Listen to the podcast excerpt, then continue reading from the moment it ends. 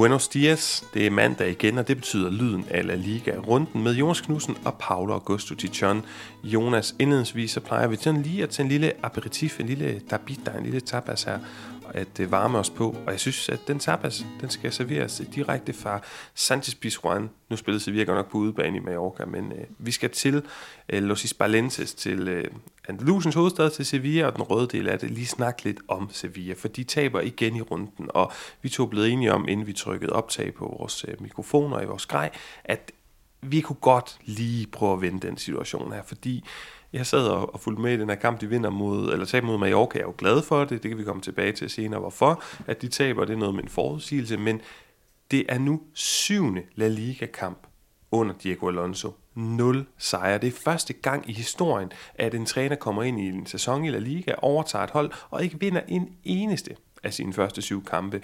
Så lad os lige starte sådan helt kort. Hvor langt tror du Lunden den er, den er ved at være, Jonas? Ja, den, er, den må være ekstremt kort. Øhm, fordi at Diego Alonso er et ubeskrevet plade, der kommer ind øh, uden den sådan store ballast i, øh, i den spanske liga, og, øh, og, og så åbenlyst også var sådan lidt et, et sats på at bringe en ny øh, mand ind fra et andet kontinent. Øh, og når det så går så dårligt, når, når, når, der, når der slet ikke er noget, der bliver løftet, andet end måske lige momentært i den første kamp eller halvanden, øh, så, så kan jeg ikke se, hvorfor at Sevilla de skal, øh, skal holde fast i ham meget længere, med mindre at der fra nu af lige pludselig begynder at ske øh, nogle, nogle forandringer, og man kunne godt tænke, at, øh, at hvis han øh, hvis ikke han, han formår at redde Sevillas øh, øh, tilværelse i europæisk øh, fodboldturnering øh, i, øh, i kampen, udkampen mod, mod Lens i Frankrig, øh, ved at vinde der og, og sikre dem trods alt Europa League-deltagelse, så kunne man godt øh, frygte for Diego Alonso, at, at det vil være det, fordi så, så er alt jo så alt jo stort set tabt, så er der Copa del Rey, og så er der at, at sikre sig overlevelse i god tid i La Liga, og, og se, hvor langt man kan kravle op, men det, er jo, det virker jo helt urealistisk, at de skulle kunne nå noget øh, gennem hverken nogen 5., 6. eller 7. plads i La Liga. Så kort snor fra Diego Alonso herfra. Ja, du omtaler jo den her skæbnesvangre kamp mod Lens i den her ellers relativt nemt spiste, kan man sige det, let fordøjelige gruppe. De er havnet i Champions League, men i sidste pladsen, det sidste kamp, de spiller her i midtugen på udebane i Frankrig, hvor der har været optøjer de senere par år med øh, de franske fans. Nu snakker jeg også fransk og følger nogle medier og læser lidt dernede, så det er ikke en kæmpe overraskelse, at Lens har valgt at udelukke Sevilla-fansene, fordi man ser nogle uroligheder på den franske fanscene. Anyways, de har ikke Sevilla-fans med, de har så heller ikke behandlet dem så godt med de her fly, som de har overtaget spillerne fra fansene i de senere, i de senere øh, uger og måneder tilbage til pointen, Jonas. Det er skæbnesvangert, fordi vinder de den kamp, så kommer de trods alt i Europa League. Øh, men de kan ikke nå at komme videre. Ikke noget videre avancement. En lille kort quiz her fra starten af. 630 spillede La Liga-minutter. Det er det, som syv kampe svarer til under Diego Alonso. I hvor mange af de minutter tror du, de har været foran i en kamp? Hvor mange minutter sagde du? 630. Så har de været foran i... Øh... Det, har, det har de ikke. Jo, jo, Jonas Rolig nu, de har været foran i hele 6 Nå, minutter. Okay. ja. men, øh, men lad os lige prøve, og det er jo en helt vildt svær øvelse der, men lad os lige prøve. Var det mod Villarreal?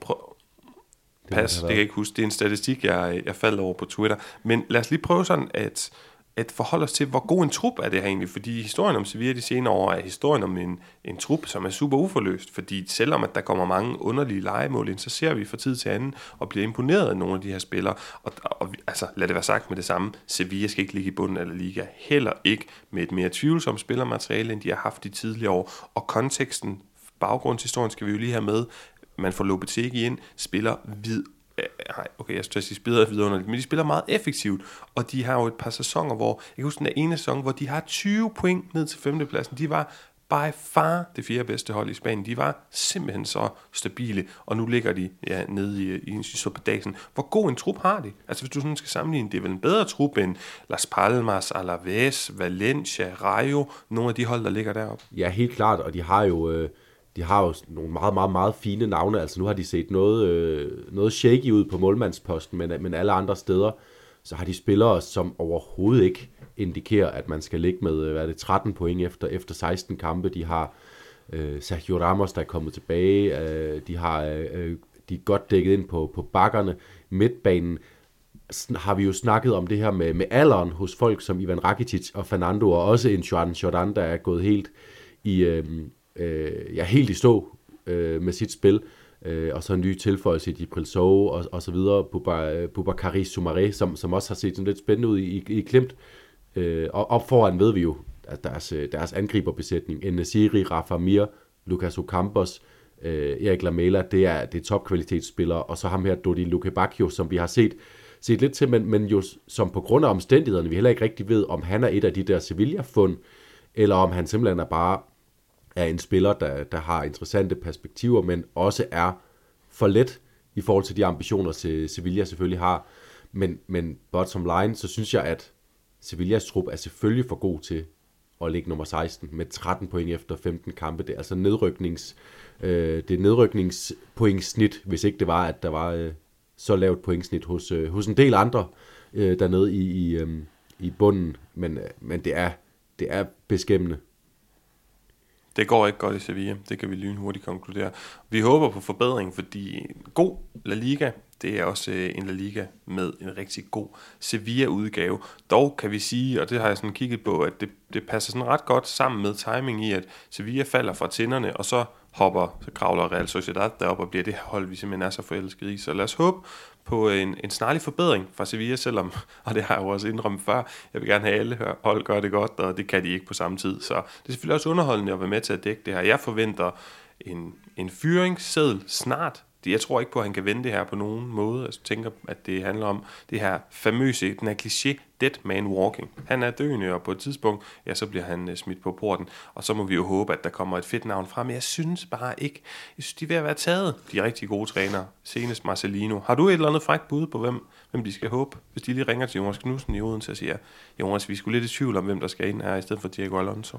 Øhm, nej, det har, det har jeg ikke lige sådan... Øh spekuleret nok over, hvem der lige går uden, øh, uden job for tiden, øh, men øh, jeg hørte jo i, i La, Liga, La, La Liga Loca-programmet på, på TV2 efter, efter Barcelona-Tirona-kampen, at øh, der var en, der nævnte, om ikke bare Mendy lige bare skulle tilbage, øh, fordi det er jo i hvert fald ikke blevet bedre af at, at fyre ham, og, øh, og hvis vi ser sådan over de sidste halvandet år, så har Sevilla ramt deres højeste niveau med Mendy lige bare på trænerbænken, og så øh, så har der måske ligget en overvurdering trods alt i, hvor, hvor god og parat truppen var øh, til begyndelsen af den her sæson, i det, at man valgte at afskedige ham. Så øh, ja, det, det var jo den eneste sådan lille quirky bud, men det er, jo, det er jo svært at forestille sig, trods alt. Og, altså, vi, vi fik jo også at vide i forbindelse med ansættelsen af Diego øh, Alonso, at, at de virkelig havde et godt øje til ham, øh, sportsdirektøren her i, i Sevilla, og havde haft det længe.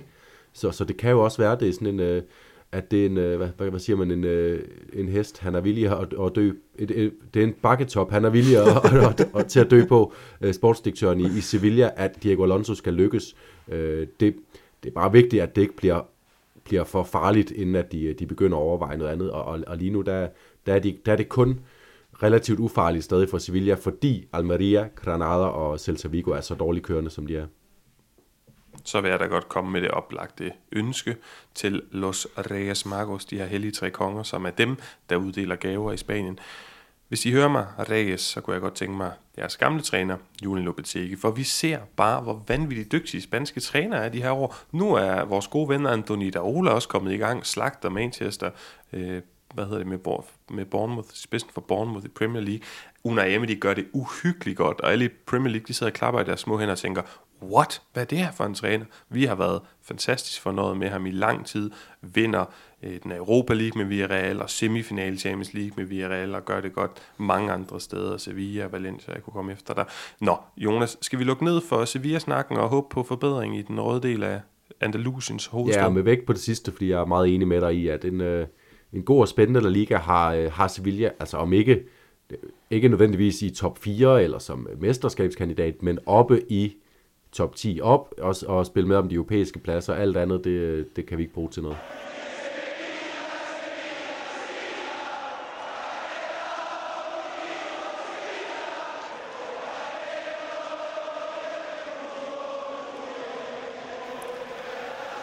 Jeg hørte den anden dag fra den gode Jonas Hamann, som vi har haft i programmet, som har opfundet det her brætspil Pondit, at det går godt, Jonas, i vores salg. Jeg tror, vi har solgt en øh, 8-10 spil siden øh, august, og han vil ikke afregne med mig endnu, fordi han sagde, jeg er sikker på, at I sælger flere over i.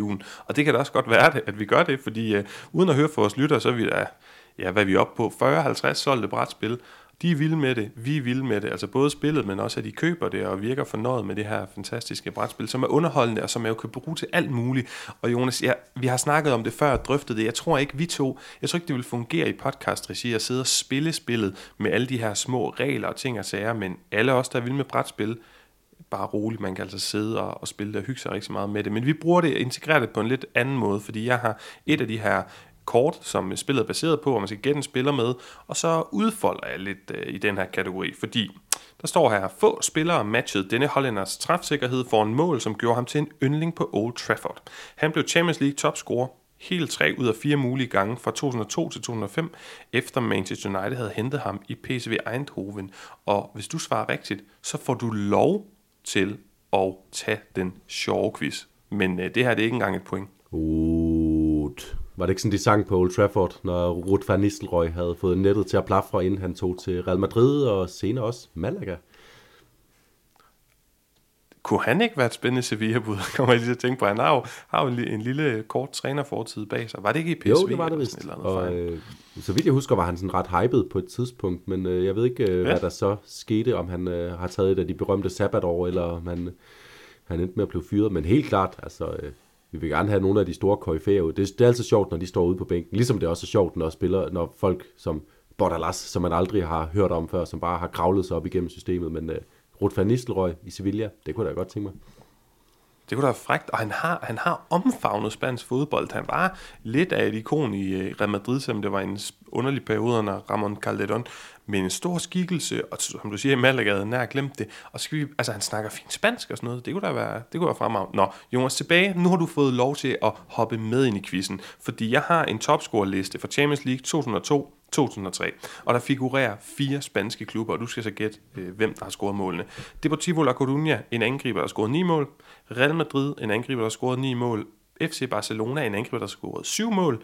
Og Real Madrid, en angriber, der har scoret 6 mål. Okay. Øhm, 2002. 2002 til 2003. Jeg starter med, at det er Raul for Real Madrid. Ja, det var, det var et point. Ja. Det var et point. Og Barcelona, det... Der, der skal du have en kanin op af hatten. Ja. Jeg tror, den gemmer jeg lige. Deportivo, det må næsten være Roy Mackay. En Correct. anden hollænder. Og så var det Valencia og Barcelona, jeg mangler. Nej, en mere for Real Madrid, og så en for Barcelona. Og som sagt, Barcelona, der skal du have en kanin op af hatten, hvis du forstår sådan en. Ja. Øh, det må være, det, det, det, må være, det må være Javier Saviola, så. Åh, oh, okay, ja, du fanger El Conejo. øhm, ja. og, og Real Madrid, den anden, det må så næsten være, øh, være Ronaldo. Korrekt. 4 ja, ud af 4, ja. og så får du altså serveretten senere hen i programmet, men lad os lige hoppe til uh, runden. Det gik runde 16, og jeg læser lige lidt resultater op. Fredag aften, Getafe mod Valencia 1-0 til Getafe på mål af Borja Mayoral. De to hold var af point før kampen, og nu Getafe nummer 9 i tabellen med 22 point, og det var altså lidt af et blodbad, som vi kender det her opgør fra de senere år. Der var røde kort til Domingo Duarte, Javier Gabriel Paulista. Lørdag fik vi Alaves mod Las Palmas 1-0 til øboerne på besøg i Baskerlandet, og nu de får en Retaffe på 24 point. De er blot to point bag Betis. Vi har hyldet dem måske lidt mere igen senere i det her program. Det er fremragende arbejde, det de har gang i. Betis Real Madrid 1-1, mere om den senere via Real de tabte hjemme 3-0 til Real Sociedad, og så havde vi Mallorca Sevilla 1-0 til øboerne fra Mallorca. De hopper også over Sevilla, men den første sejr i 10 ligakampe. Jeg synes dog, Sevilla de kan føle sig med rette lidt snydt, fordi at de får annulleret sådan et Pedrosa-mål, som jeg ikke synes, der gav mening. Søndag fik vi Atletico Madrid 2-0, 2-1 vandt de hjemme over Almeria Granada Athletic Klub. Den blev suspenderet efter, at en tilskuer mistede livet på øh, Øh, stadion Nuevo Los Carmenes meget tragisk i Granada. Vi fik også Cadiz mod Osasuna 1-1 og Barcelona Girona 2-4 que partidazo. Den glæder jeg mig meget til at snakke med dig om. Og så mandag altså øh, Rayo mod Celta. Jonas, traditionen tro et par små nedslag, men nu skal jeg jo ikke bestemme for meget. Det er jo dig, der har saveretten. Hvor skal vi starte? Jeg vil godt starte i øh, Deportivo Alaves Las Palmas, fordi øh, virkelig flot, hvor når man kigger øh, på Las Palmas i tabellen, hvad det her resultat betyder for dem. Men altså, hvis, øh, hvis retfærdigheden bare havde, havde den mindste retfærdighedsfølelse, altså hvis, øh, hvis, hvis alt skulle gå, som det burde have gjort, så havde, så havde det været Deportivo Alaves, vi havde snakket om, der havde 19 point, og så Las Palmas 21, så havde de ligget tættere på hinanden, de to, fordi det var fuldstændig vanvittigt at se, hvordan Alaves de ikke kunne få bolden ind. Samu og Modrion, ham vi har snakket meget om, angriber, brænder for det første en kæmpe chance, så scorer han to fine mål, som er så små offside-kald, at man næsten skulle tro, at det var, øh, at det var løgn. Øh, og så har Las Palmas også bare den ene efter den anden redning på stregen i løbet af den her kamp. Det var, det var vanvittigt, at, øh, at Alaves de ikke øh, fik scoret mindst to-tre mål nærmest. Men, øh, men jo stadigvæk en, en udesejr på 1-0. Det er en udesejr på 1-0, og det er sådan noget, der rykker i, i tabellen.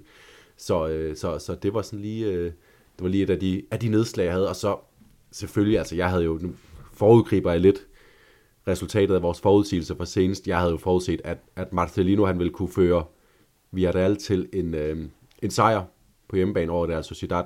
De fik altså bare en ordentlig omgang klø af et, øh, et velspillende Real Sociedad-hold. Og så også en, øh, en kamp, hvor man også må sige, altså det balancerede måske også øh, lidt mere, end man lige skulle tro, fordi man kan også snakke om uh, forskellen på at have Alex Ramiro i målet og have Philip Jørgensen i målet. Alex Ramiro med flere gode redninger ved stillingen øh, 0-1, og Philip Jørgensen, som kommer galt ud til et indlæg uh, ved, i forbindelse med øh, uh, 0-1-scoringen, og så ellers uh, selvfølgelig nogle fine, fine ting af, af Real Sociedad. Især Michael Merinos lille oplæg bag meget uh, støtteben til Take Kubo var, var noget, man bare skal, skal læne sig tilbage og nyde. Ja, meget enig. Ja, vi kan supplere noget af det, du siger. Øh, som sagt, Alaves, som du siger, der kunne have så mange, og de her, du går godt igennem det heroiske mållinjeblokeringer og stolpeskud og Samu Morillon, som øh, burde have fået, eller som, det var jo færre at underkende de mål, men det er bare særligt. Jeg vil bare gerne lige rose Luis Garcia i Alaves, for jeg synes virkelig, at han gør det fremragende. Og på den her expected points tabel, den som øh, nogen kalder Table of Justice, retfærdighedens tabel, der ligger de altså syv, altså de gør det meget godt, og fortsætter de sådan her, så skal det nok øh, for, øh, gå rigtig fint for dem i den her sæson Alaves. Men Las Palmas, der seneste 13 kampe, 9 sejre, en uafgjort, kun tre nederlag for det her oprykkerhold, som vi bare ikke havde. Vi turde måske at håbe lidt på deres egne, men jeg, kunne da, jeg vil da ikke undre mig, hvis de lå et nummer chok. Men det gør de altså ikke, og vi har snakket om dem, vi havde lidt lille portræt senere, man kan gå tilbage og lytte på for et par afsnit siden, hvor vi sådan introducerer nogle af spillerne. En af dem, vi ikke kom så meget omkring, det er målmanden Valles. Og i, ikke i den her kamp, men seneste kamp mod Getafe, der havde han 104 berøringer i kampen. Det er første gang i La Ligas historie, at der er registreret så mange berøringer hos en målmand. Han, han spiller reelt, når man kan se på de her maps og sådan noget, han spiller reelt midterforsvar i opbygningen. Det er så vildt, det er vildere end noget, vi, vi har set andre steder. Øhm, så ja, men, men enig i nogle af de her ting, du siger, Jonas, også omkring omkring Villarreal og Ladeal. Altså, jeg tænker da også umiddelbart, at uh, vi skal give os lige noget mere tid. Ja, helt klart. Jeg havde også lyst til at spekulere i det her med, og det har jeg også haft lyst til i forbindelse med forudsigelser frem mod kommende år, men jeg tør ikke helt, hvad, hvad har det af konsekvenser, at nogen hold skal ud og levere i Champions League, men uh, det, ja, det er lidt tidligt at lade alle de stadigvæk fremragende. Den eneste grund til, at de ikke gør det endnu mere overbevisende i La Liga, det tror jeg altså stadig er de her europæiske forpligtelser. Må jeg hoppe til en lille ting om Getafe, jeg gerne vil nævne? Ja, meget gerne. Altså, vi snakkede også, vi havde også faktisk et lille portræt omkring dem, og hvordan de gør det i den her sæson. Majordal, Greenwood, de har stadig Javi Mata, der kan komme ind. Luis Mia er jo en fin spiller på bolden. Diego Rico, de har hentet fra Ladeal. Den her venstreback, han er den med flest assist i ligaen. Og i den her kamp, der kunne de altså også godt have scoret mange mål mod Valencia. Og jeg vil bare nævne det for, mm, måske du har fulgt med, men så mest for lytterne, det her med, at Bordalas retur og Getafe, det har altså skabt noget, noget hype på de sociale medier, og nogle, det er ret vildt at se. Man begyndt, det gør man tit i Spanien, om at, at snakke om La Bordaleta, eller La øh, hvad hedder det med Chavi, La, La Chavinetta, det er sådan en, en form for at sætte ordet på, navnet på træneren sammen med en form for skib, så de ligesom, altså man sejler sammen på det her skib, når man øh, altså, som hold støtter op omkring uh, Getafe, og uh, han figurerer Bordalas på t-shirts. Der er sådan GTA-inspireret design som gangster. Der er skilte på stadion, fuldstændig karikeret med kasketter og memes og sange remixes, fordi han for nylig, der blev spurgt ind til, jamen lad os bare være ærlige, Bordalas, hele, alle hader at spille mod jer, og, øh, og I, I vil ikke rigtig spille fodbold, så siger han bare, esto es fodbold, baba. Altså det, det er bare fodbold. daddy. Øhm, og, og, og det, jeg kunne godt tænke mig at høre, hvor meget du har lyst til at kritisere dem for deres metoder, eller er der noget merit i det her? Øh, jeg, jeg har lyst til at, at kritisere dem en hel masse for deres metoder, fordi at det ikke... Øhm, det er ikke det, som begejstrer mig aller, allermest, men, øh, men jeg synes på den anden side også, at de, øh, de har de, de deres fulde ret til at spille sådan, som de gør i, i langt de fleste aspekterne. Og når man så spiller på den måde, som Getafe gør, med, øh, fordi en, en del af det jo er det her med at, at trække tiden og, og frustrere modstanderen. En del af det er jo, er jo også, at det er en spillemæssig strategi at være, være hård i sin, øh, sin fysiske, øh, i sine øh, nærkampe, og så, øh, og så basere sit spil på øh, at angribe hurtigt, når man vinder boldene. Det er jo, det er jo en spillemæssig øh, strategi, så det andet er lidt mere en, en psykologisk strategi, og den kan jo nogle gange blive udholdelig at se på, og især, øh, især når det så øh, også sætter sig i modstanderne, som det jo gjorde for for eksempel Javi som jo tydeligvis var, var så frustreret, at han måtte, øh, at han måtte ud med nogle i øvrigt ikke specielt, øh, synes jeg, krænkende kloser, Øh, i, I dommerrapporten står, at han har sagt, eh, eres malissimo, altså han har bare sagt, du er skide dårlig. Øh, det, det, det, det, det, det, det skal man altså som dommer være noget, øh, noget nærtagende for at, at, at, at, at vurdere til et direkte rødt kort, synes jeg. Øh, men jeg synes, det har, har stor merit, at, øh, at Retaffe formår at, at, overleve på den måde, de gør. Jeg synes at det er lidt ærgerligt, at, at når man egentlig kigger på det her Retaffe-hold, så er der jo ret meget fodboldtalent rundt omkring på banen. Øh, Øh, vi, vi kender øh, midtbanespillerne, som er hårde, men også dygtige fodboldspillere. Øh, Oscar Rodriguez, Carlos Alenya, øh, altså øh, angreb op øh, Jorge de, de Frutos, øh, Borja Majoral, Nacional, når han kommer tilbage, altså der er øh, ikke Jorge de Frutos, det, det er den anden del af Madrid, han spiller i, men, øh, men der, der er masser af talent i Retafe-holdet, øh, så nogle gange kunne man da godt tænke, at de sådan gav, gav lidt mere øh, los ala Borja Majorals fuldstændig fænomenale hovedstød, som, øh, som jo var det, der sikrede dem sejren i sidste ende mod Valencia. Han har været virkelig godt kørende. Jeg glæder mig så meget. Skal vi lige tease for, at vi øh, inden længe laver et, øh, hvad hedder sådan noget, halvsæsonens hold. Inden, jeg tror, vi når det inden jul, og jeg glæder mig simpelthen så meget. Jeg har jeg allerede begyndt at have så mange bobler, og selvfølgelig kunne mig jo der også være en, et bud på den. Jonas, lad os lige hurtigt hoppe forbi Real Madrid og Atleticos kampe, inden vi jo skal bruge mest tid, dedikere mest opmærksomhed til Barcelona Girona, den her fantastiske kamp, som vi fik serveret. Uh, Atletico Madrid, de vinder 2-1 mod Almeria. Hvad synes du om den kamp? Jeg synes, det var øh, en, en, en dag på kontoret, indtil det ikke var det længere for Atletico Madrid, fordi øh, de kommer foran øh, øh, 2-0. De gør det i øvrigt ved, at Simeone har lavet et, et, sådan, øh, øhm, et for ham nu øh, karakteristisk, kan man nærmest sige, træk med at, og, og indstille sig lidt på modstanderen ved øh, at, ved, sige, okay, vi spiller simpelthen mod øh, bundproppen i La Liga. Det er et hold, der er ekstremt øh, øh, nemme at skabe chancer imod, så lad os da bare få, øh, få to angriber ind, og så Chris Mann ned på den her midtbane, eller øh, sådan i mere delt øh, øh, falsk nierrolle med Angel Correa, og det virkede i første halvleg. De øh, udspiller Almeria to gange, sådan ren indendørs øh, stil, og får scoret de to mål. Og så, øh, så går de stå. I anden halvleg, øh, der savner jeg at se noget af den her, øh, den her naturlige sult i et hold for bare at blive ved med at score mål, fordi når man ikke når man ikke får det scoret, så kommer der lige pludselig en ripost og en gammel kending i Leo Baptistao og gør det spændende. Øh, og så kunne det godt have gået galt for Atletico. Almeria, de, de, øh, de bider lidt fra sig øh, et par gange ved stillingen 2-1, og det havde været, det havde været, ja, altså, der havde ikke været ord for, hvor dårligt det havde været, hvis Atletico Madrid havde øh, smidt point i en kamp hjemme mod Almeria, ugen efter at have tabt et topopgør mod Barcelona, altså hvor man har chancen for igen lige at bide sig fast op i toppen. Så øh, de klarede den øh, med en god første halvleg, og så med nød og næppe klarede sig igennem øh, anden halvleg. Jeg kommer sådan til at sidde og tænke på, altså de er jo videre i Champions League, øh, det er rigtig godt, rigtig, rigtig fornuftigt.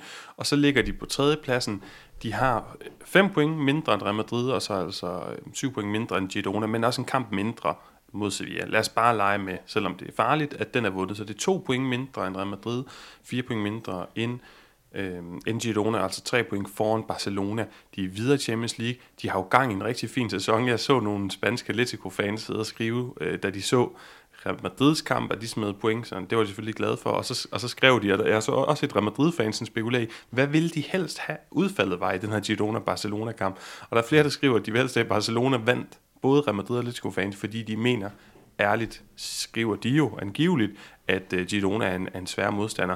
Det jeg vil frem til, det er, fordi nu har vi jo resultatet af en kamp, men Atletico Madrid, nu var Barcelona sådan halter lidt bagefter, og de er videre Champions League, de, de vil gang i en fin sæson. Ja, de har det. De, er, de har nogle beskæmmende nederlag. Øh, øh, kollapset i Valencia, øh, og hvad var det så? Øh, Las Palmas på udebane, øh, hvor, hvor jeg synes, det, det er skidt. De lukker to mål ind mod et hold, der, der scorer så få mål som Las Palmas. Og så synes jeg også, øh, kampen mod Barcelona på Montjuic endte med at blive en rigtig skidt kamp for, for dem. Ikke fordi de tabte, fordi det kan man, altså det, det skal vi jo bare være ærlige at sige, alle hold kan tabe i Barcelona undtagen Girona. Øhm, øh, men udtrykket, at de, de ikke var bedre med i kampen. Der var, der var for få perioder, hvor de fik sat, sat deres offensive spil op omkring Griezmann og så videre. Når man ved, hvor godt de har spillet i den her sæson, så var det skuffende. Øh, ligesom anden halvleg mod Almeria her var det. Men ja, de har gang i en god sæson. De, øh, de ligger og er med i, i fuldt med i mesterskabskampen, og som, som, som sagt vi skal jo ikke klæde os til den der Sevilla-kamp, fordi vi har snakket snart i flere måneder om, øh, hvordan de helt sikkert vinder den. Så, så der er også noget på spil, spil for os der. Men... De vinder den jo i skrivende stund, men hvis nu Rudra Nistelrøy kommer ind, så kan man aldrig vide sig sikkert. Ej, men spøj til side. Jeg synes bare, det er vigtigt at understrege, de har gang i en solid og god sæson, og jeg forventer ikke, altså jeg er ikke skuffet over, at de ikke bare fører La Liga, eller banger der ud af, fordi selvfølgelig skal man også have et par dage på kontoret, som du selv omtalte den her kamp, og faktum er bare, de har vundet to mesterskaber, Atletico Madrid, i mands minde, og det er to mesterskaber med syv års mellemrum, og jeg håber bare, hvor vil det være en ære at få lov at dække et mesterskab mm. mere, uden der går syv år. Hvor kunne det være fedt, og at det kommer corona så jeg håber. i øvrigt. Ja. Nå, Jonas, lad os hoppe til Real Madrid, inden vi altså tager den store tur med Barcelona og Girona. Brahim, han leverer en fremragende oplæg til Rodrigo, inden Aitor Ruibal, der blev kørt rundt af Rodrigo hele kampen. Han så jeg siger, ved du hvad, så må jeg jo vise, at jeg egentlig er gammel kandspiller, og så smækker han den op i krogen. Meget, meget flot. Jeg kunne godt tænke mig lidt nysgerrig på, jeg synes, Rodrigo spiller en rigtig, rigtig flot kamp offensivt. Øhm, og jeg synes også, Brahim har været rigtig god på det seneste. Rodrigo har vi snakket meget om, ikke så meget om Brahim Diaz. Hvad synes du egentlig om ham som fodboldspiller? Øh, jeg har haft min klare forbehold, øh, har, det, har det stadigvæk, øh, men man må bare sige, at han, øh, han viser sig efterhånden som værende et rigtig godt alternativ for, for Carlo Ancelotti.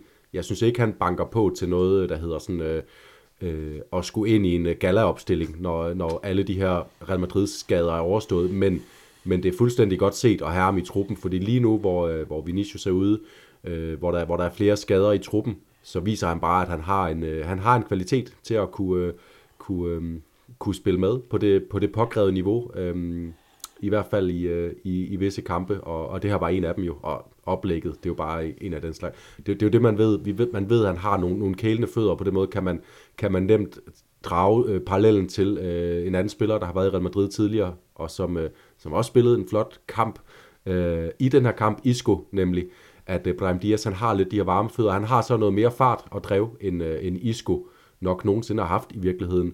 Øh, og, og det bliver en fordel med den måde, Real Madrid angriber på, hvor vi ved, at, at, at man gerne vil have ufattelig meget fart i, i sin måde at angribe på. Så, så på den måde er, er Brahim Diaz et, et godt match til Real Madrid, et, øh, hvad der kan udvikle sig til at være et perfekt alternativ som, øh, som indhopper, som en, der spiller nogle af de kampe, hvor, hvor Real Madrids øh, kampkalender virkelig begynder at snærpe til. Ja, øh, jeg vil godt lige supplere det med.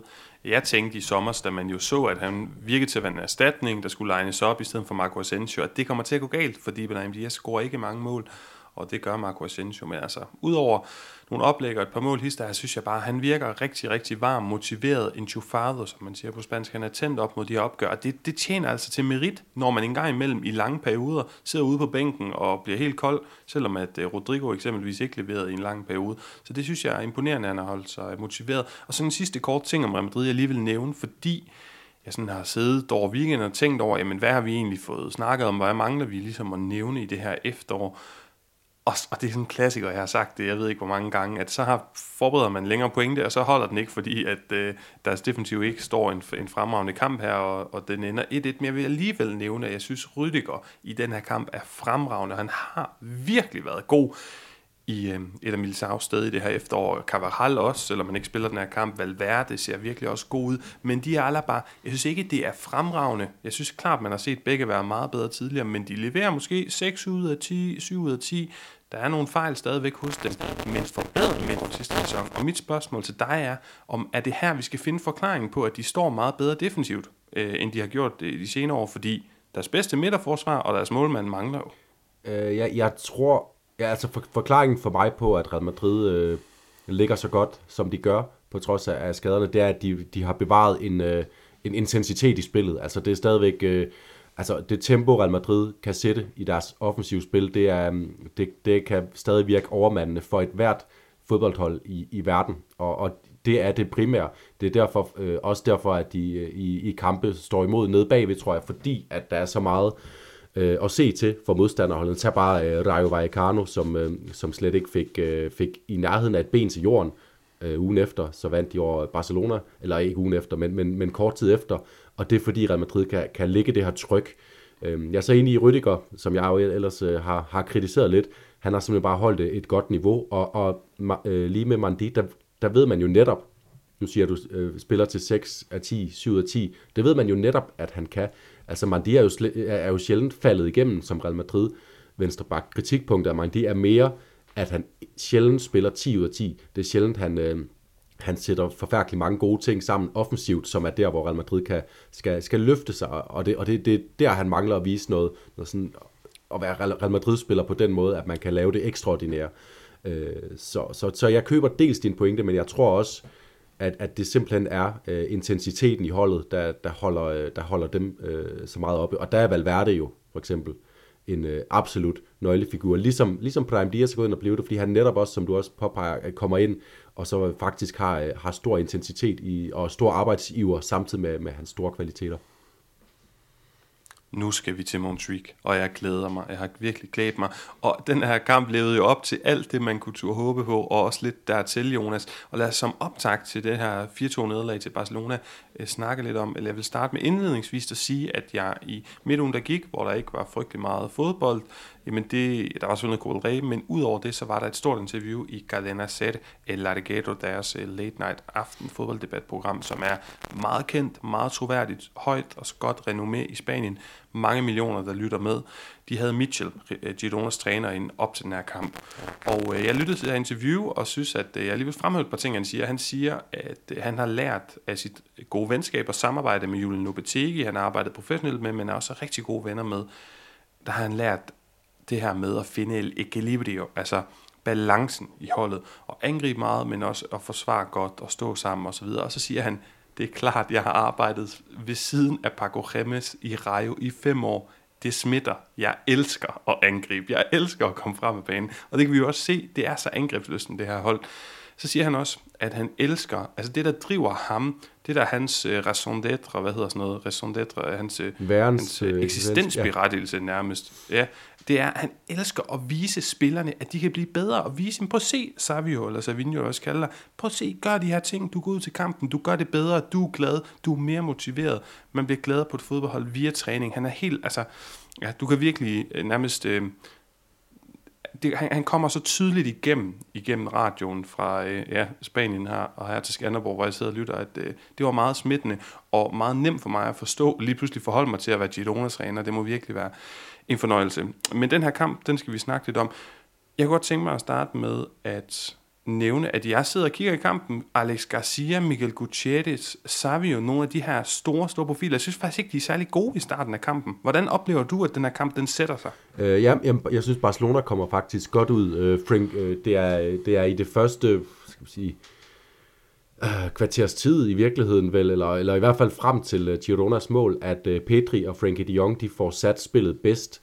Øh, de falder så begge to ud senere i kampen, men det er så, det er så en anden sag.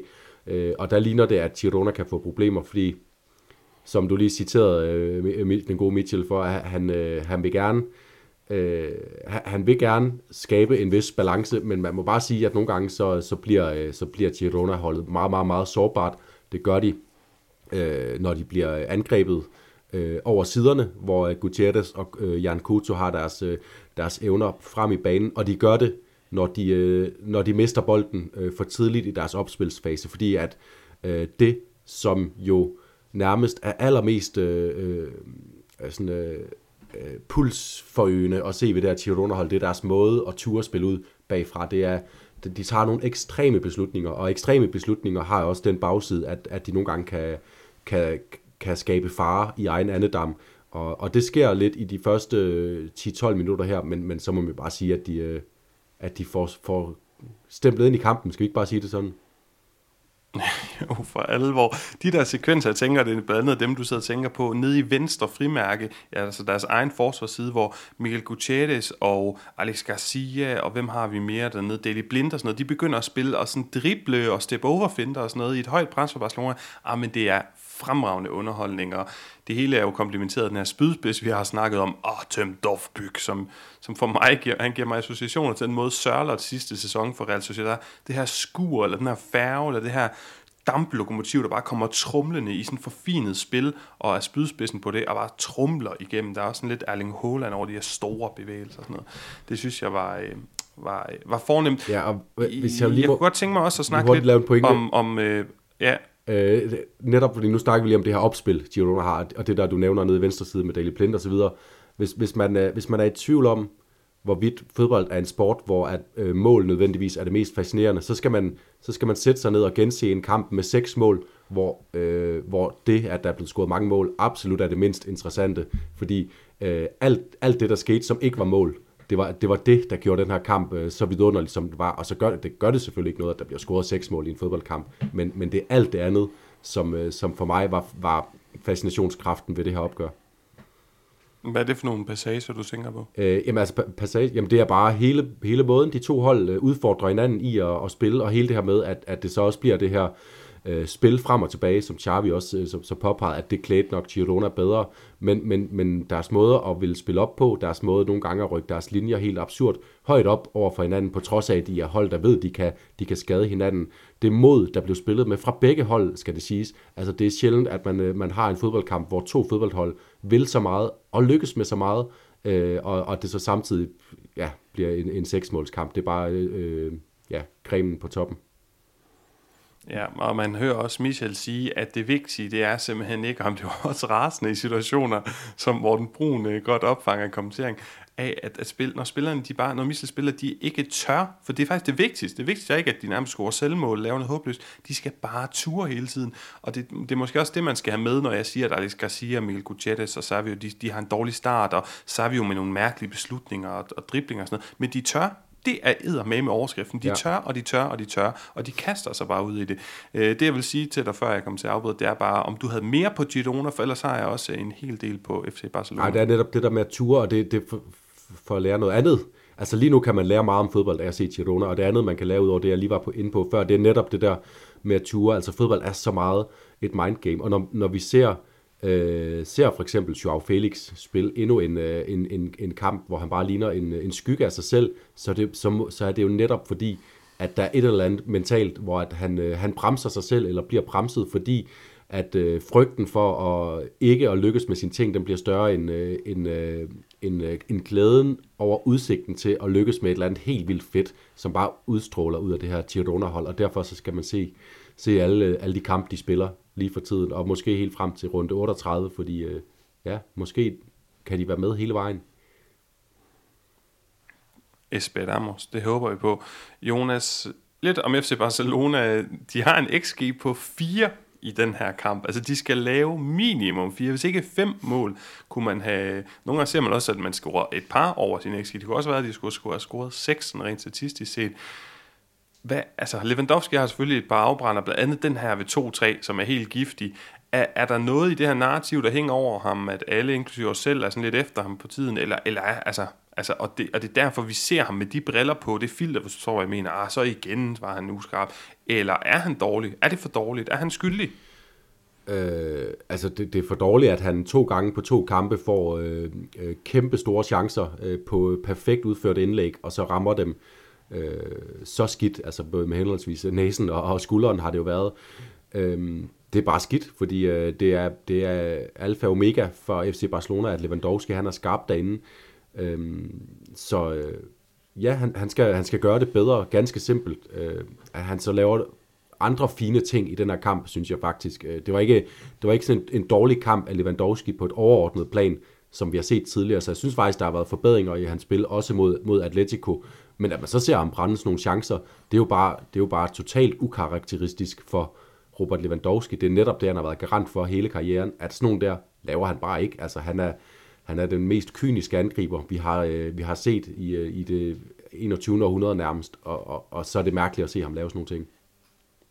Ja, det er, det er lidt underligt. Nu snakker vi før om equilibrio, om den her balance på et hold, og altså, det er klart, at, at selvfølgelig ville Xavi også få ros, hvis han hold vandt 4-2 over det her velspillende Girona-mandskab, men Mitchell kan jo bedre slippe afsted med det, for det er en kamp, det er i der i Vuelta, altså tur og tur, som du, som du selv siger, det er helt vanvittigt at se, hvordan de bare angriber hinanden, så stor risiko, det var, det var en fornøjelse. Men jeg kan godt tænke mig at snakke lidt om den her balance med Barcelona-foretag, fordi nu spiller de uden Oriol Romeo, og det har de gjort i et stykke tid, og jeg forudsagde jo i sommer, at han ikke ville blive en del af midtbanen, simpelthen finder jeg et stort nok navn. Jeg var ret nervøs de første par øh, måneder i sæsonen, fordi han jo spillede fast, og de gjorde det godt, og det er ikke for at begynde at spekulere i, om han skal tilbage for, at de kan finde noget balance, men jeg kunne godt tænke mig at kigge på deres urokkelige defensiv i sidste sæson, som er efterhånden skudt i småstykker, synes jeg jo. 18 mål indkasseret har de allerede efter øh, 16 runder.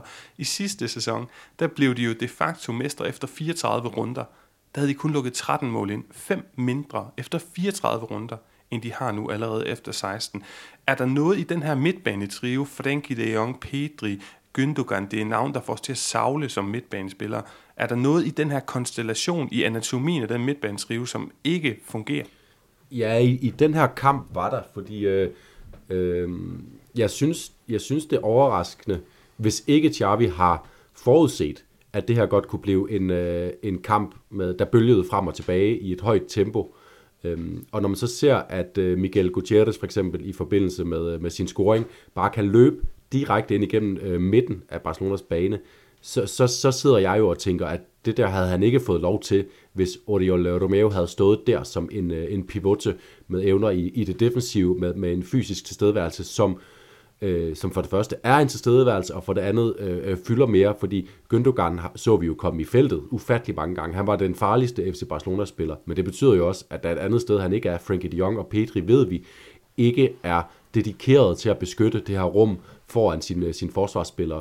Øhm, så det overrasker mig lidt, at, øh, at, at Xavi ikke havde forberedt holdet bedre på, øh, at, at Girona kunne blive, kunne blive farlige på den måde. Øhm, en anden ting er så, at Xavi synes jeg også, at jeg har eksperimenteret det her forsvar i stykker. Altså en ting er noget med sådan selvtillid, altså Andreas Christensen har været sat af for Inigo Martinez, men ser så alligevel ud til at være, være det foretrukne valg. Cancelo spiller pludselig på, på, på venstre bak, fejlvendt. Alejandro Balde kommer lige pludselig ind og skal spille venstre stopper. Altså Xavi havde et fundament at bygge på, og nu har han øh, nu, har han, øh, nu står han med sådan en stor betonbord og, øh, og er i gang med at ryste fundamentet op igen, og samtidig så, så manifesterer det ligesom en usikkerhed i hele holdet, som gør, at man heller ikke får bygget, nu skaber de ret mange farlige situationer i den her kamp, men stadigvæk, at man fornemmer, at deres offensivspil mangler selvtillid, og, og, og, og det har Xavi forpasset muligheden for at bruge sidste sæsons fundament til at skabe et hold, der, der, der kan spille med, med den selvtillid, der ligger i at vide, at, øh, at det kan godt være øh, et til to mål, det er nok til, vi vinder vores kampe. Ja, jeg er enig.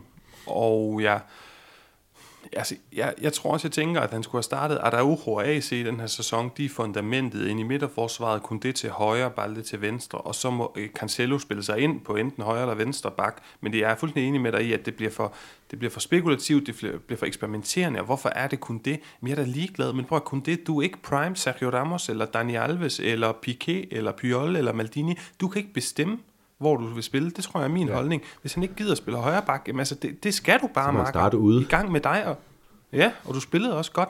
Nå, men lidt tilbage til den midtbane. Der er noget, jeg lige skal forstå.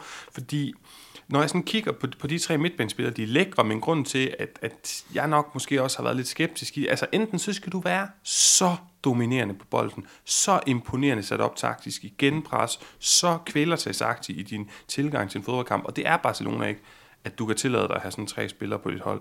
Eller også så skal du altså, er min gammeldags tanke, ja, ikke, det er ikke sikkert, det er rigtigt, men det er sådan, jeg tror, at tingene hænger sammen, jamen så skal du have nogle spillere, der kan løbe 200 km i timen og sable en mand ned med en glidende takling. Og det mener jeg ikke rigtig Pedri kan. Jeg mener heller ikke Gündogan kan. Måske kan det Jong lidt bedre, men når jeg kigger men på han, han vil ikke. Madrids midtbane, når jeg kigger på Atletico Madrids midtbane, jamen, så kan Saul, så kan Koke, så kan Marcos Llorente, så kan Rodrigo de Paul. Når jeg kigger på Real Madrids midtbane, jamen, så kan Fede Valverde, så kan Camavinga, så kan Chouameni, så kan Bellingham. Er, det, er, der, er der noget forkert i det? Fordi Altså, så kan man selvfølgelig sige, at modargumentet vil være, jamen under Guardiola, der hed den, hvad hedder det, Iniesta, Xavi og Busquets, og det er selvfølgelig rigtigt, der var heller ikke nogen af dem, der var klassiske, sådan defensive spillere, men alligevel, jeg mener også godt, Xavi han kunne lægge en glidende takling, og Busquets var jo ja, alle steds nærværende. Ja, jeg tror, var det sidste eller forrige udsendelse, at, øh, at jeg bragte begrebet descafeinado ind, øh, det her øh, øh, afkoffeiniseret, altså øh, en kop kaffe, hvor koffeinen er blevet, blevet suget ud, og det kan man godt have fornemmelse med det her Barcelona-hold, at at det mangler noget af den der intensitet, som, som du også øh, påpeger, øh, en lang række spillere hos øh, rivalerne, der har. Og lige præcis Pedri og øh, Joao Felix og Lewandowski og Rafinha, øh, i virkeligheden også kun det i den her kamp, fordi han, øh, han, han ser så opgiven ud. Andreas Christensen, det er ikke folk, der bærer deres... Øh, øh, deres karisma uden på tøjet. Altså, øh, det, det er svært at se, hvem der ligesom løfter intensiteten i Barcelonas spil. Gündogan kan gøre det lidt. Frankie de Jong synes jeg har noget energisk over sig. Araujo er jo selvfølgelig, og det så man også flere gange i den her kamp, hvordan han sådan balstyrisk er ude og prøver at hente bold, bolden hurtigt, få den i gang, øh, skubbe Girona spiller væk. Og, altså, øh, Araujo er hele tiden i gang med at prøve at øge, øh, øge indsatsen i hele holdet. Øh, og, og det er der bare for få Barcelona-spillere, især offensivt. Altså, Øh, øh, Felix, Lewandowski og Rafinha kan alle tre med deres, øh, deres attitude og udtryk jo nærmest suge energien ud af, af mig som TV, tv-seer, og så kan, han det nok også, så kan de det nok også af deres øh, holdkammerater. Nu, nu, nu gør vi lige noget, fordi at, nu, nu tager jeg lige et stykke papir her frem, fordi at, øh, og jeg ved godt, det er spekulativt, men bear with me, leg lige med mig, fordi der står Chavis fyreseddel her på, og jeg ved godt, han skal ikke til at fyres, Jonas. Jeg ved godt, det er præmaturt, det er for tidligt, men, men jeg elsker bare at spekulere i sådan nogle, hvad hedder sådan nogle hypotetiske, hypotetiske scenarier. Sådan, altså, lad, lad os prøve det her tankeeksperiment, at han bliver fyret, fordi vi ved jo, at præsident Laporta, han kommer til, og han, han overtager lidt ideen om, at Xavi skal være den nye træner, fordi det allerede var noget, hvad hedder han, Victor Font havde, øh, havde pitchet, og det sådan lå i kortene. Men vi ved også, at vi har haft en stærk fornemmelse af, at Laporta ikke var helt overbevist, og han var måske mere forelsket i tanken om en tysk træner. Det har der været meget sådan massiv dækning af for pålidelige kilder i Spanien. Lad os nu sige, at det går ned ad bakke for Xavi herfra. Laporta får en undskyldning for at fyre ham. Der er lidt rådrum økonomisk til at hente en ny. Så kigger jeg bare på et marked, hvor Hansi Flick, han går ledig. Nagelsmann, han går måske ledig til sommer. Tuchel, han kan måske komme i spil, fordi Bayern, bum bum, og Xavi Alonso kunne også være et bud over i Bayern München. Men, men hvad er tanken med, at, altså hvorfor er det, at Laporta er vild med den her tyske spillestil, og kan du se noget i det her match med en tysk træner, der kunne komme ind med det her Barcelona-hold og det her spillermateriale? Øh, ja, altså vi har, vi har ofte øh, snakket om de her tyskere i forbindelse med Real Madrid, fordi at der er de et, øh, et mere åbenbart match. Men, men når man netop ser et Barcelona-hold, som virker sådan lidt øh, energi- og idéforladte, så kunne det måske godt være en, øh, en idé at få, øh, få en tysk træner, fordi at, at, at de tyske trænere her, øh, de er jo heller ikke totalt fremmed med, med lige præcis at spille på sådan Barcelona-måden, altså med Øh, øh, 4-3-3 og, og, og have øh, boldbesiddelsen i fokus, men der er bare det her element af, af, af, af et mere energisk udtryk og lidt mere direkte spil til tider, øh, som, øh, som Barcelona ikke har, og historisk set har haft svært ved at finde frem, fordi de har nogle dyder, de gerne vil, øh, vil, vil holde, holde fast i. Så det kunne godt være en idé. Øh, jeg tror så bare, der skal, der, jeg tror, der skal rigtig dårlige resultater til, for at Xavi bliver fyret. Vi snakker, at han øh, Jamen, helt enig. ender på fjerdepladsen og ryger tidligt ud i Champions League på en ikke på, på, en, på, en, på en sådan lidt ydmygende måde, eller og ryger ud af Copa del Rey tidligt. Altså hvis, hvis de kvalificerer sig til Champions League, og han kommer ret langt i de andre turneringer, så tror jeg godt, han kan overleve det faktisk.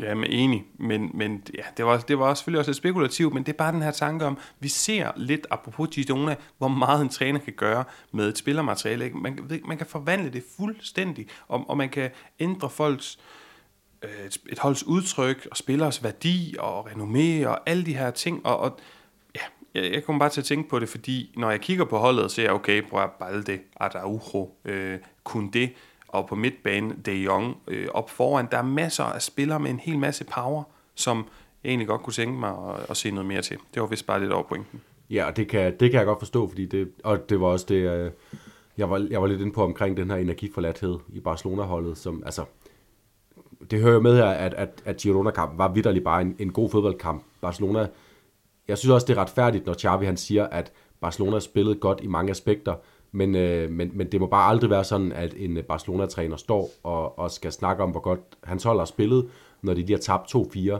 øh, på hjemmebane mod Girona, lige oppe fra øh, 100 km nord for, for Barcelona, øh, så skal en Barcelona-træner bare gå ud og øh, sætte alle de nødvendige spørgsmålstegn, som gør, at de kan undgå at, at falde i den gryde igen en anden gang. Øh, så, så, så også der synes jeg, at Xavi han rammer lidt skævt nogle gange i sin, i sin kommunikation, og der, der er mange spørgsmål om Xavi, vi stadigvæk har, også fordi på grund af måden, de vandt mesterskabet sidste år, øh, det er meget, meget, meget få klemt, vi har set Barcelona sprudle på en måde, som, som, ville have været, øh, som vi ville kunne genkende fra den gang Xavi selv var, var spiller. Øhm, ja, så altså, det, det skal blive virkelig spændende at se, hvordan den her sæson den flasker sig herfra for, for, for Barcelona, fordi øh, der, der, skal, der skal ske et eller andet, øh, og, og man, man har ikke rigtig indtryk af, at Xavi ved, hvad det er.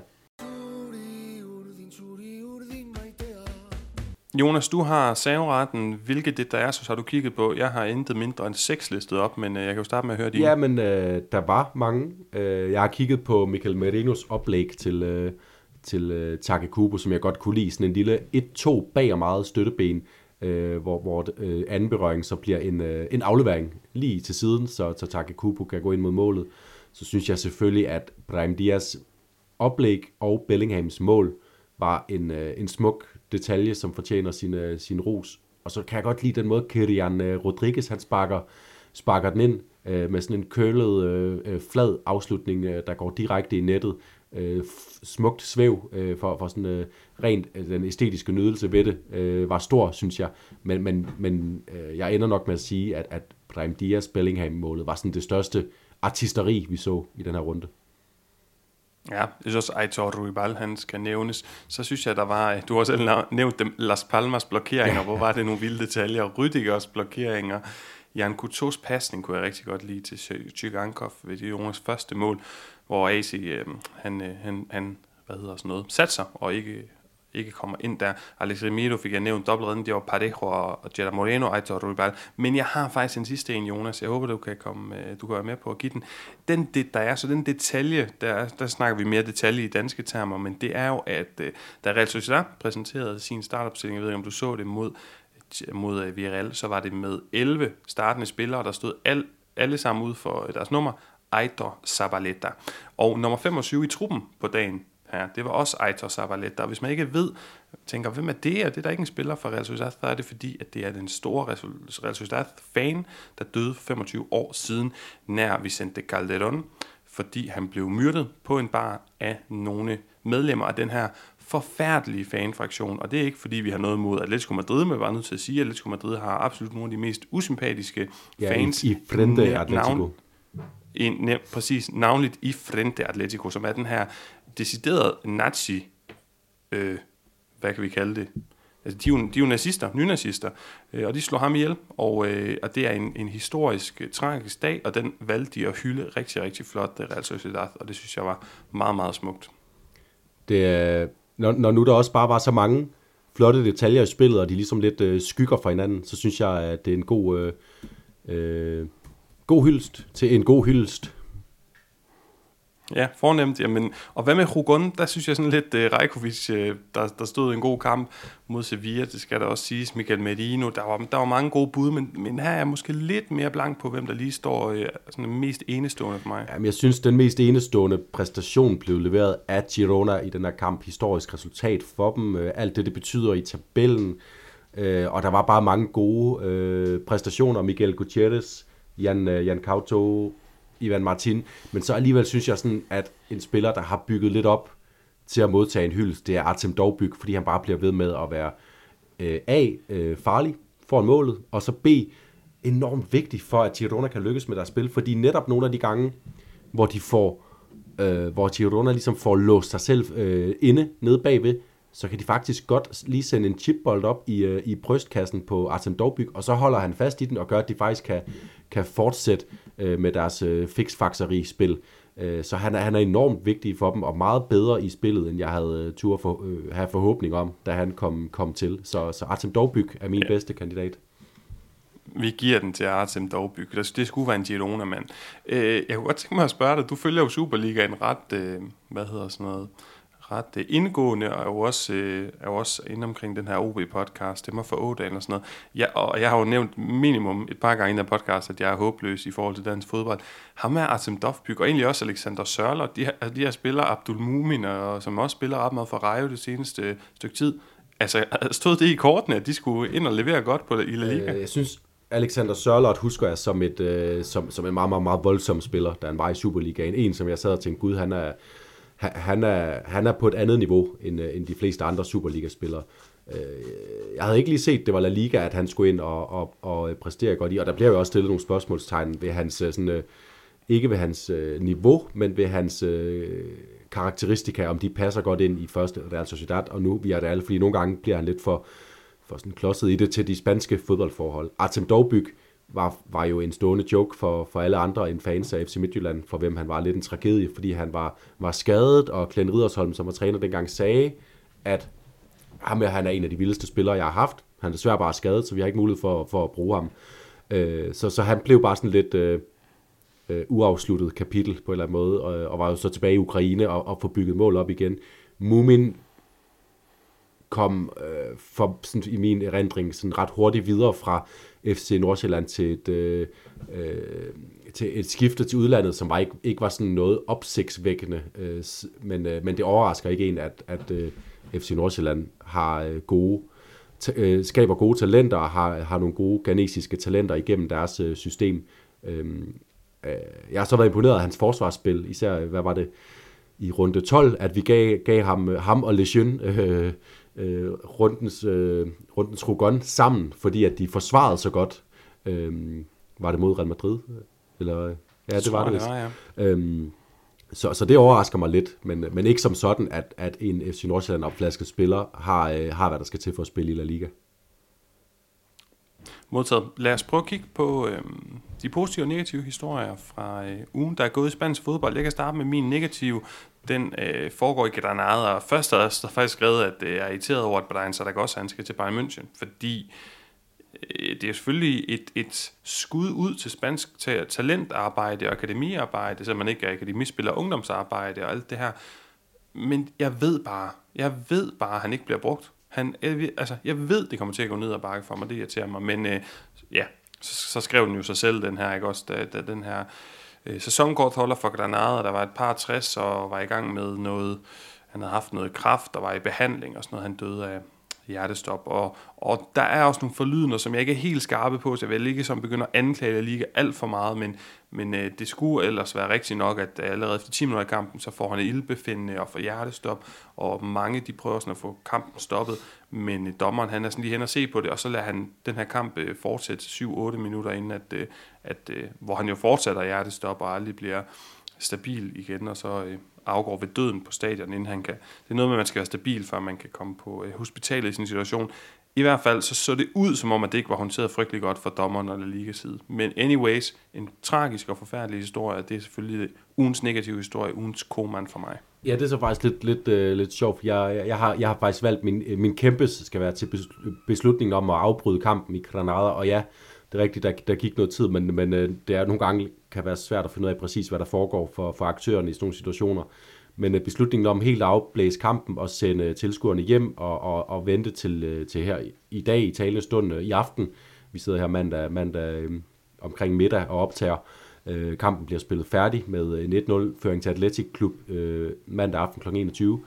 Øh, beslutningen om at afbryde kampen helt øh, hylder jeg, fordi at det, øh, vi har set øh, eksempler på, at sådan nogle situationer her er håndteret dårligt. Blandt andet, så, så, så er der jo aldrig nogen af os, der klemmer, dengang vi blev tvunget til at sidde og se resten af en kamp mellem øh, Danmark og Finland, som aldrig skulle have, have været spillet videre på den aften, hvor, hvor, øh, hvor de her mennesker på stadion, øh, spillerne især, øh, har været vidner til, til det her absurde scenarie. Og derfor synes jeg også bare, at det er det eneste rigtige her, øh, af hensyn til alle involverede, øh, kan have en god følelse af, at man har aldrig en god følelse af, når der, der er sket noget her et sted, man befinder sig, men øh, kan have en god følelse af ikke at have øh, bare sådan fortsat, at det, det, er jo, det, det virker helt skørt at, at, at fortsætte, når der er sket sådan noget ude på, på tribunen. Så, så stor ros til, til holdene, som var med i beslutningen også om at, at, at afbryde kampen.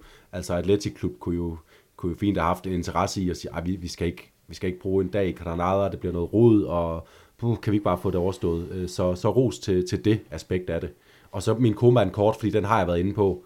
Jarvis indskiftning af Balde, øh, den forvirring, der opstod i forsvaret, og som er i FC Barcelonas defensive struktur lige for tiden, og som jeg synes bare kan øh, øh, pege, øh, øh, appealen i forhold til det, peger bare tilbage på, på Xavi, at han træffer nogle mærkelige beslutninger. Jeg forstår ikke, hvorfor Cancelo skal over og spille fejlvendt venstre bak, når man endelig havde fået en, øh, en god offensiv højre bak for første gang siden øh, Dani Alves. Øh, øh, altså, det, det er alt sammen meget forvirrende for mig, og jeg synes, øh, Xavi, han, han skal jeg skal lige sådan, øh, tage et koldt, koldt brusebad, og så øh, gå tilbage til nogle af de ting, der virkede sidste sæson, og så bygge på i det offensive derfra. Det, det, det, er, han er, han, det er som om, han er på vej ned af den gale sti lige nu.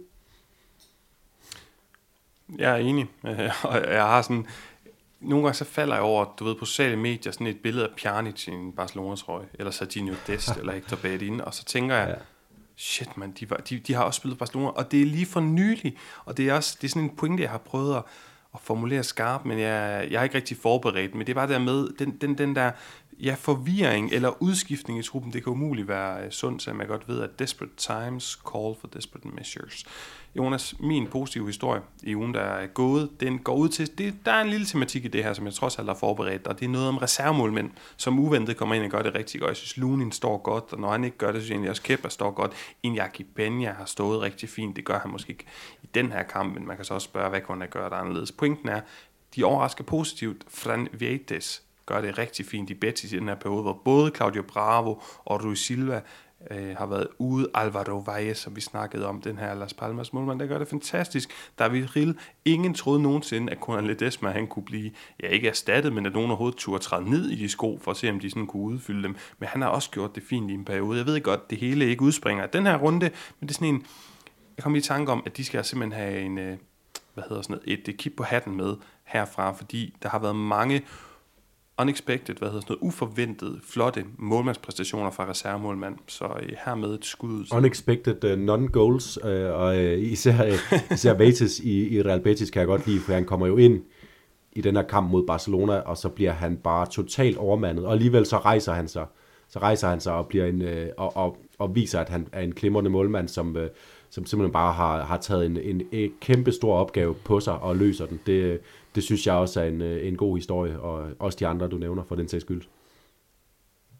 Skal vi øh, hoppe til en opdatering på forudsigelsestabellen? Øh, ja, og øh, det, det bliver vi stadig med dig i føretrøjen øh, efter, efter vi har talt pointen op, fordi jeg, jeg fik jo lige en ekstra mulighed, fordi sidste gang havde jeg, eller forrige gang havde jeg forudsagt, at Celta de skulle vinde over, over Cardis. Øh, det var efter vi optog sidst, men det skete heller ikke. Det blev, blev det 1-1. Øh, den kamp, mener jeg. Øh, så 0 point til mig der.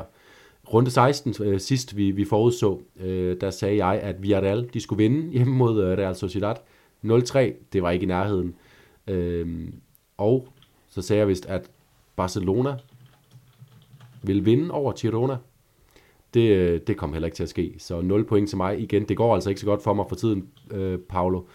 Til gengæld så øh, havde du gættet, at øh, Mallorca skulle vinde over Sevilla. Du fik lidt hjælp fra fra barholdet i Spanien, men det, øh, det skal du ikke høre noget ondt for. Øh, så et point mere til dig, det bringer dig op på 13. Jeg har 10 i øvrigt. Og øh, så havde du gættet på, at Isco, være, Isco skulle være direkte involveret i en scoring mod Real Madrid. Jeg må faktisk lige tilstå, jeg har ikke lige set, om det er ham, der spiller bolden på tværs til, til Aitor Rybal, men det, det tror jeg ikke. Øh, så du ikke, hvor han er placeret der, han står? Nej, det, han var desværre ikke i nærheden. Jeg sad også febrilsk, da jeg efter målet og tænkte, please, please, please.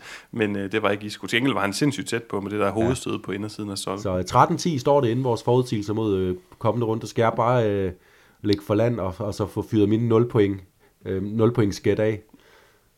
Nej, det skal du ikke, fordi jeg er bange for, at du stjæler okay. en af mine. Så vi skifter, så jeg starter med at sige, at Celta Vigo, det er vinder over Granada. Ja, den har jeg ikke taget. Jeg, jeg, jeg gætter ikke på Celta sejr længere.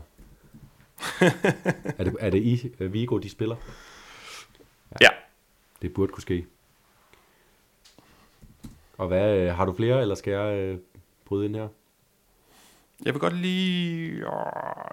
Nej, ved du hvad, jeg tager min anden. Jeg tror Barcelona de vinder på Mestalla, og så vil jeg høre, om det er nok til at få et point, eller skal der en, en lille indskudt sætning? Nej, det synes jeg, det er. Mestalla er stadigvæk et svært sted at spille, og Barcelona er, øh, Øh, er, er, må være groggy efter det her nederlag til, til Girona. Så det synes jeg er fair. Jeg havde faktisk også overvejet en lille smule at sige noget med, at Valencia øh, vil få point ud af kampen. Så øh, det, øh, den, den tager du bare.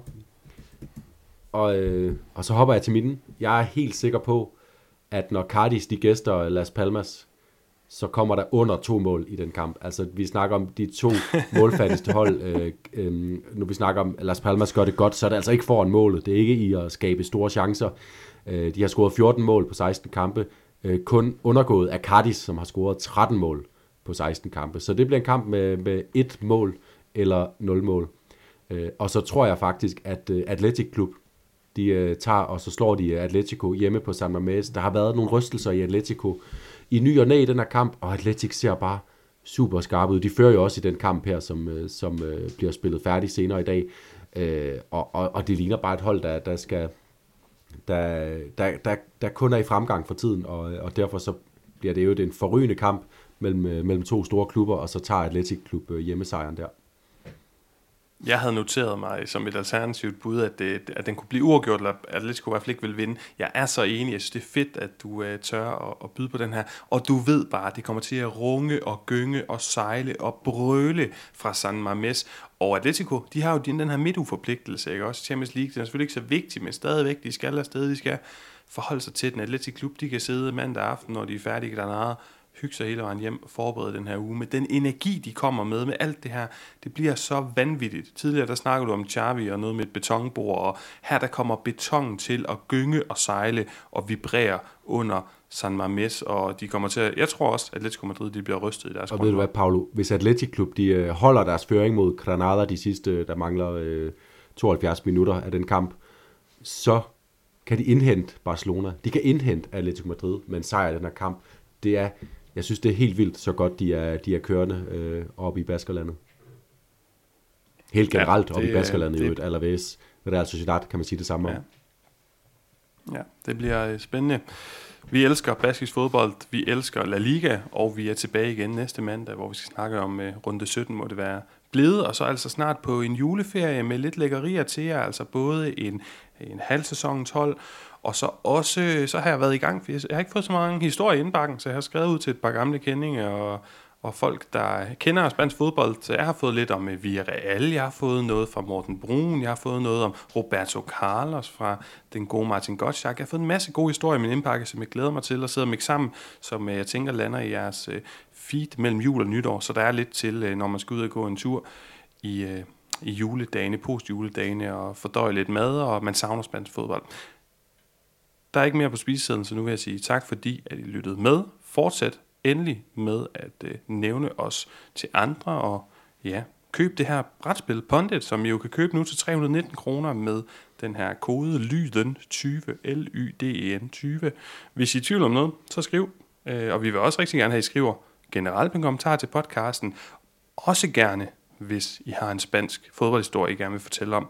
Jonas, har du noget sidste på øh, Ja, jeg vil bare minde om, at man stadig kan gå ind og, og melde sig som støtte af, af det arbejde, vi laver her med at, at dække spansk fodbold på tier.dk-lyden af La Liga. Det er lidt længe siden, vi har fået nogle nye øh, indmeldinger derinde, så, så vi savner lidt at høre lidt mere fra vores, øh, vores lyttere for tiden, både på den ene og den anden måde. Ja, det glæder vi os til. Her med en opfordring sendt ud. Tak for nu. Fortsæt god uge, og vi lyttes ved.